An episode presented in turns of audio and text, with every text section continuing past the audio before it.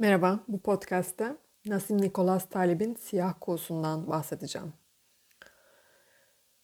Bilinmezlikler dolu dünyada neden sonuç ilişkisine dayalı rasyonel oldukça başımıza daha az felaketin geleceğini düşündüğümüz karınca kararınca hayatlar yaşıyoruz.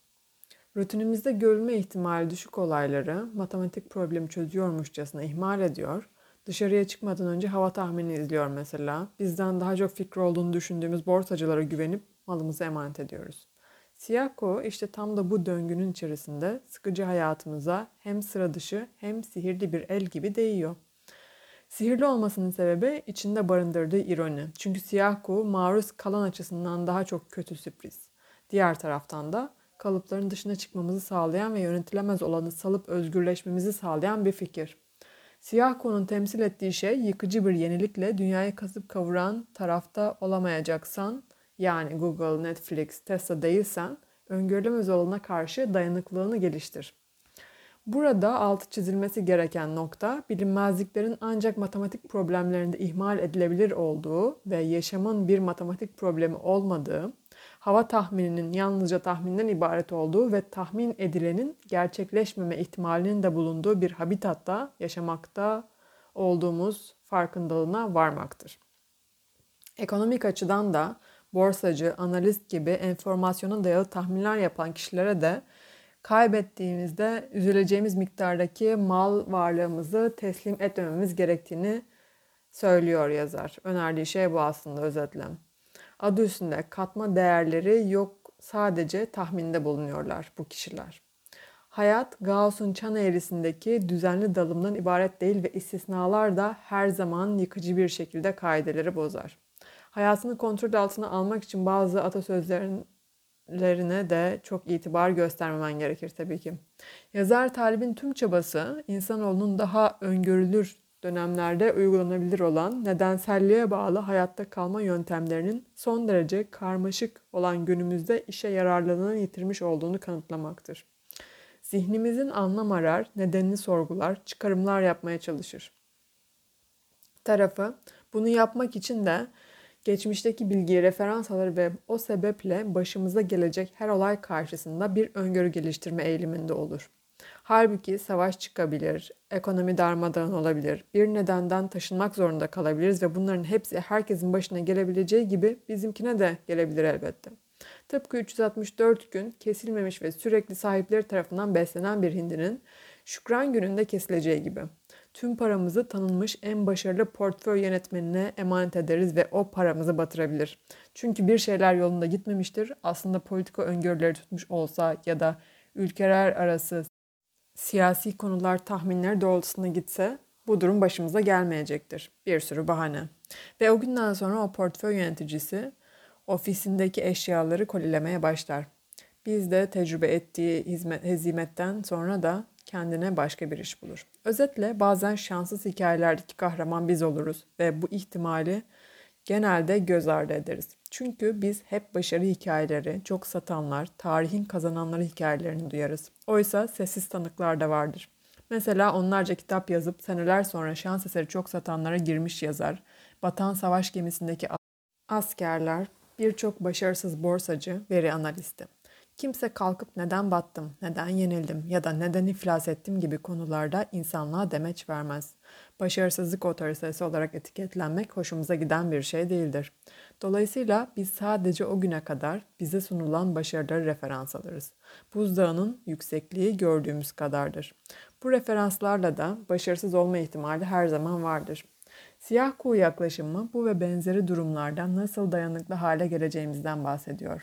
Etrafta bunca olası siyah kuğu varken nasıl hayatta kalacağız ya da hayatta en basit şeyleri bile sorgulamalı mıyız? Koşulların uygun olduğu ortamlarda olasılıksız gibi görülenin büyük etkisinin muzdar etkisinden muzdarip olup hazırlıksız yakalananlar siyah kuğu körlüğündekilerdir. Bu yıkıcı yenilikler karşısında yıkılan olmamak adına siyah kuğular grileştirilebilir elbette. Yöntemde önerilen açıkça hayatı etkileyen konularda risk öteleme planı geliştirmek, depreme karşı evi sigortalatmak, önemsiz konularda başkalarının önerilerini önemsemektir. Yağmur yağma ihtimaline karşı şemsiyeyle dışarı çıkma konusu, konusunda kafa yormamak. Hayattaki öngörünün zorluğunu bilen biri de elbette hep aynı yoldan ilerleyip farklı sonuç elde edemeyeceğini bilir. Örneğin kanser ilacı bulmak için laboratuvarda aylardır üzerine çalıştığı yöntemi denemek için sabahlamak yerine o akşam davetli olduğun partiye katılmak, belki de partide çalışmanla ilgili biriyle tanışıp dahiyane bir fikir getirecek aklına. Yani gene, gelenekselliği boz ve tesadüfi olayların hayatına dokunmasına izin ver. Çünkü belki de hikayedeki siyah kuğu sensin.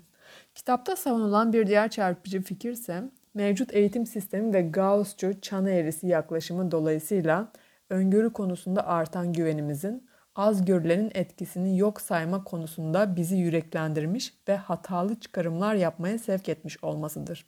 Hatalı çıkarım yapmak peki hangi konularda hiç çıkarım yapmamaktan daha iyidir? Neredeyse hiçbir konu. O çıkarım bizim başımıza gelecek en koyusundan bir siyah kuğu olur. Çıkarım yanılgısı bilmediğiniz bir bölgede yardım istemek yerine başka bir bölgenin haritasıyla ilerlemeye çalışmak gibi bir şeydir. Bilmediğim bölgede mesleğin turist rehberliği olduğu için insanları yanlış haritayla bilinmeze sürüklemek de borsacıya riskli miktarda paranı emanet etmek kadar siyah kuğu körlüğü aynı şekilde.